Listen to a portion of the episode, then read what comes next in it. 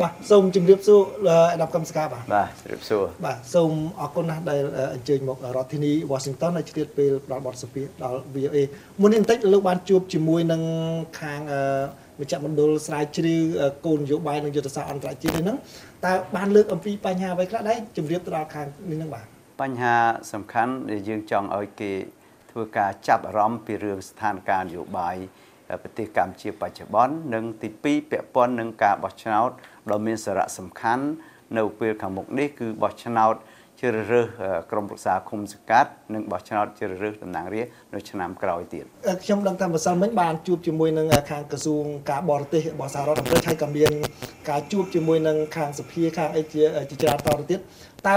ការជួបនៅជាមួយក្រសួងការបរទេសបានលើកបញ្ហាដូចនឹងដែរឬក៏មានបញ្ហាអ្វីថែមទៀតហើយអាចបញ្ជាក់ពីលទ្ធផលយ៉ាងម៉េចដែរជាបញ្ហាជាទូទៅគឺយើងទាញការចាប់អារម្មណ៍ពីសហគមន៍អន្តរជាតិជាពិសេសសហរដ្ឋអាមេរិកជំវិញស្ថានភាពនយោបាយនិង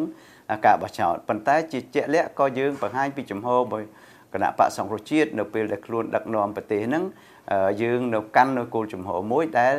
យើងរក្សានៅមិត្តភាពចំណងមិត្តភាពសហប្រតិការនៅមានតលយៈភាពនៅក្នុងតំបន់ក៏ដូចជាក្នុងសហគមន៍អន្តរជាតិចាសម្រាប់ការបោះឆ្នោតនេះតើចង់ឲ្យដូចថាសហរដ្ឋអាមេរិកហ្នឹងជួយទៅលើផ្នែកណាដែរបាទអ្វីដែលយើងត្រូវការគឺថាចង់ឲ្យតាមដានមើលមិនមែនថ្ងៃបោះឆ្នោតទេ គឺទាំងបរិយាកាសមុនបោះឆ្នោត ថ្ងៃបោះឆ្នោត និងក្រោយបោះឆ្នោតមុនបោះឆ្នោតនេះគឺជាពិសេសពាក់ព័ន្ធនឹងស្ថានភាពគម្រាមកំហែងនានា ដែលកំពុងកើតមានហ្នឹងហើយក៏ថ្ងៃបោះឆ្នោតនឹងគឺភ្នាក់អ្នកសង្កេតការហើយក្រោយបោះឆ្នោតនៅពេលដែល មានការលទ្ធផលបោះឆ្នោតនោះបាទបាទហើយខាងភាគីដែល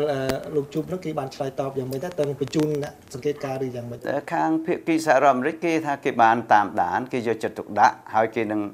មានភ្នាក់ងាររបស់គេឬក៏មានគេដើម្បីចុះទៅធ្វើការសង្កេតការមិនមែនត្រឹមសង្កេតការទេ គឺយើងពងពិចារណាដើម្បី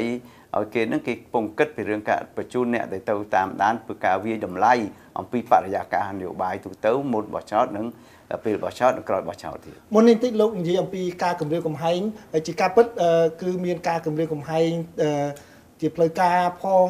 មានការលើកឡើងតាម Facebook ផងពីថាបើសិនជាគណៈបកកណ្ដាលអំណាចចាញ់ឆ្នោត នឹងអាចនឹងមានសង្គ្រាមហើយខ្ញុំបានដឹងថាលោកបានលើកឡើងច្រើនដែរអំពីដែលថាมันមានសង្គ្រាមតែមានសន្តិភាពហើយនឹងប្រើពាក្យមួយដែលកន្លឿនគឺការផ្លាស់ប្ដូរប្រកបដោយវិជ្ជមានតើបើសិនជាក្នុងករណីមានសង្គ្រាមតើគណៈបកសង្គ្រោះជាតិអាចនឹងប្រើវិធីណាដើម្បីទប់ស្កាត់មិនឲ្យកើតឡើងបានទ្រង់ទ្រាយធំឬក៏យ៉ាងម៉េចណាបាទវិធីទី1ដែលខ្ញុំមានការជឿទុកចិត្តគឺត្រង់សហគមន៍អន្តរជាតិគេដឹងពីរឿងការគម្រាមហ្នឹង ហើយគេព្រួយបារម្ភគេសម្ដែងពីការកង្វល់ការព្រួយបារម្ភថាបើមានការគម្រាមកំហែងដោយភាគីណាមួយថាចាញ់ឆ្នោតមានសង្គ្រាមអីសហគមន៍អន្តរជាតិគេនឹងតាមដានមើលរឿងហ្នឹងហើយគេសូមលើកទឹកចិត្តឲ្យប្រជាពលរដ្ឋខ្មែរគឺមិននៅឯកោទេគេគេតាមដានមើលរឿងហ្នឹងទី1ទី2សម្រាប់ខ្លួនយើងផ្ទាល់គឺគណៈបកសង្គ្រោះជាតិមានគោលនយោបាយគឺយើងដោះស្រាយបញ្ហាដោយអហិង្សាដោះស្រាយបញ្ហាដោយសន្តិវិធី គឺយើង មិនយកកម្លាំងបាយកម្លាំងអាវុធមកដោះស្រាយបញ្ហាទេនេះហើយប្រជាពលរដ្ឋលោកជ្រាបហើយគណៈបកសង្គ្រោះជាតិមិនមែនជាពួកអ្នកចម្បាំងមិនមែនជាពួកអ្នកកាន់អាវុធដើម្បីបាញ់បោះអីទេគឺយើងដឹងចរិតរបស់អ្នកដឹកនាំគណៈបកសង្គ្រោះជាតិគឺដោះស្រាយបញ្ហាដោយសន្តិវិធី ហើយទី2គឺយើងអត់យកខ្មែរណាធ្វើសត្រូវគោលនយោបាយយើងគឺមិនគុំគួនសងសឹកខ្មែរដូច្នេះហើយគ្មានអីដែលត្រូវមានសង្គ្រាមជាដាច់ខាតបាទ អឺមួយចំណុចមួយទៀតដែលយើងសង្កេតឃើញហ្នឹងគឺអ្នកគ្រប់គ្រងគណៈបកអឺសង្គ្រោះជាតិឬក៏មិនមែនជាមិនមែនជាសមាជិកគឺគាត់មានការធុញទ្រាន់ជាមួយនឹងការគ្រប់គ្រងរបស់គណៈបកកណ្ដាលអំណាចនេះជាង30ឆ្នាំហ្នឹងដូច្នេះតើបើសិនជាក្នុងករណីឈ្នះតើឲ្យគាត់មានការចង់ទៅសងសឹកអីហ្នឹងតើគណៈបកសង្គ្រោះជាតិអាចគ្រប់គ្រងគាត់បានមិនឲ្យទៅធ្វើសកម្មភាពរបស់ហ្នឹងបានយើងគិតថាអ្វីអ្វីក៏ដោយឲ្យតែសង្គមរៀបចំសង្គមឲ្យមានយុត្តិធម៌ សំខាន់គណៈបកសង្គ្រោះជាតិមានគោលដៅគឺថាយើងរៀបចំសង្គមឲ្យមានយុត្តិធម៌កាលណាមានយុត្តិធម៌ហើយមនុស្សអស់ចិត្តហើយ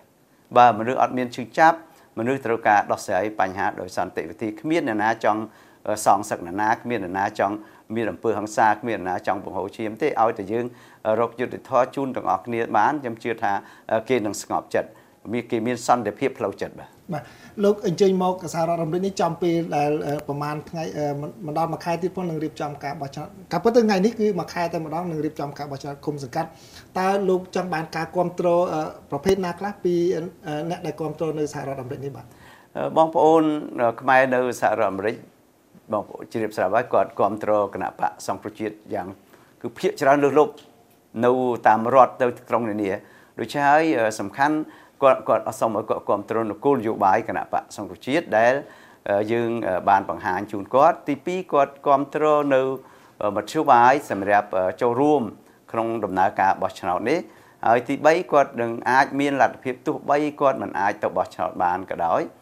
គាត់មិនអាចទៅបោះឆ្នោតបានអ្នកខ្លះមិនបានចុះឈ្មោះអ្នកខ្លះក៏ពិបាកទៅចុះឲ្យទៅបោះទៀតអញ្ចឹងបាត់សម្លេងឆ្នោតគាត់ម្នាក់មែនប៉ុន្តែគាត់មានបងប្អូនគាត់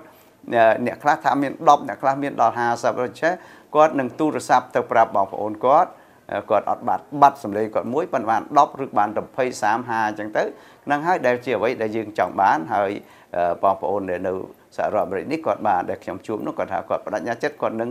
ទូរស័ព្ទប្រាប់បងប្អូនគាត់ដើម្បីបោះឆ្នោតឲ្យគណៈបកសង្គ្រោះជាតិបាទបាទលោកអញ្ជើញមកសហរដ្ឋអាមេរិកលើកនេះក្នុងនាមជាប្រធានថ្មីរបស់គណៈបកសង្គ្រោះជាតិក្នុងគណៈពេលដែលលោកប្រធានសំរងស៊ីលោកបានដើរថយនៅខាងក្រៅដើម្បីមិនឲ្យមានបញ្ហាចំពោះគណៈបកអញ្ចឹងតើកម្រិតនៃការគ្រប់គ្រងចំពោះទស្សនកិច្ចរបស់លោកនឹងនៅច្រើនដូចពេលដែល លោកសំរងស៊ីនៅជាប្រធាននេះបាទខ្ញុំមកលើកនេះខ្ញុំមានការភ្ញាក់ផ្អើលគឺខ្ញុំលើកសូគេថាប្រជាពលរដ្ឋខ្លះគឺអន្តពុនចិត្តនឹងគណៈបកសង្គ្រោះជាតិគាត់បារម្ភរឿងនេះរឿងនោះស្រាប់តែខ្ញុំមកគឺកន្លែងណាក៏មានការគ្រប់គ្រងយ៉ាងច្រើនសន្ធឹកសន្ធាប់រហូតដល់អ្នកចាស់ខ្លះដែលគាត់ធុញទ្រាន់កន្លងមកហើយហើយគាត់ខំតស៊ូតាំងពីយូរហើយក៏គាត់មកជួបខ្ញុំសារជាថ្មីម្ដងទៀតគាត់បញ្ជាក់ថាគាត់មានសង្ឃឹមសារជាថ្មីម្ដងទៀតថានឹងមានការផ្លាស់ប្ដូរ ក្នុងឆ្នាំ2017 2018នេះដូច្នេះកំណើននៃការគ្រប់គ្រងគឺកើតប៉ុន្តែមិត្តភាពរវាងលោកជាមួយនឹងលោកសំរងស៊ីគឺនៅដដែលឬក៏យ៉ាងម៉េចដែរបាទយើងមានគោលដៅដូចគ្នាមានឧត្តមគតិសម្រាប់ប្រទេសជាតិនិងប្រជាពលរដ្ឋដូចគ្នាដូច្នេះយើងគ្មានអីដែលដែលខុសគ្នាបាទប្លែកគ្នាទេគឺថាគោលដៅរបស់យើងគឺដូចគ្នាបាទ ហើយបន្ទាប់ពីជួបប្រជុំនៅខាងវិទ្យាស្ថានស្រាវជ្រាវគោលនយោបាយនិងយុទ្ធសាស្ត្រអន្តរជាតិតើលោកមានគម្រោងជួបនៅខាងណាទៀតនៅរដ្ឋធានី Washington ដែលមានរយៈពេលខ្លីនោះបាទបាទក្រៅពីម្សិលមិញនេះថ្ងៃទី2នេះយើងខ្ញុំមួយថ្ងៃគត់គឺកម្មវិធីជួបនៅក្រសួងការបរទេសដែលមិនធ្លាប់មានទេពីដើមយើងមកជួបក្រសួងការបរទេសយើងជួបណានាម្នាក់ម្នាក់អញ្ចឹងមកលើកនេះជួបគ្រប់ផ្នែកទាំងអស់ទាំងអ្នកដែលកាន់ការចាស់នៅក្នុងក្រសួងការបរទេសទាំងអ្នកដែល មកកាន់ការថ្មីក្នុងរដ្ឋបាលរបស់លោក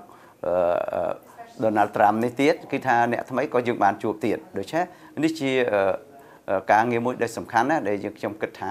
គេបានយល់ពីយើងនៅក្រសួងការបរទេសគឺយើងចំណាយពេលមួយថ្ងៃម្សិលមិញហើយថ្ងៃនេះគឺយើងក្រៅពីជួបនៅមណ្ឌលយុទ្ធសាស្ត្រនយោបាយអន្តរជាតិនេះគឺយើងខ្ញុំនឹងជួបខាងរដ្ឋសភាខាងរដ្ឋខាងសភាគឺមានខាងព្រឹទ្ធសភាខាងរដ្ឋសភា ហើយជាពិសេសគឺក្រមដែលសភាដែលជាក្រមការងារនៅសម្រាប់ប្រទេសកម្ពុជាហើយក៏យើងនឹងជួបអ្នក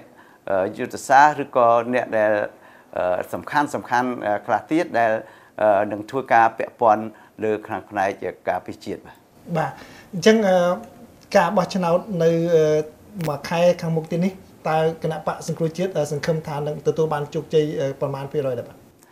យើងគិតពីការមតិរបស់ប្រជាពលរដ្ឋ ណាជាទូទៅយើងឃើញថាប្រជាពលរដ្ឋភាគច្រើនលើសលប់គឺសម្ដែងការគ្រប់គ្រងគណៈបកសង្គ្រោះជាតិហើយ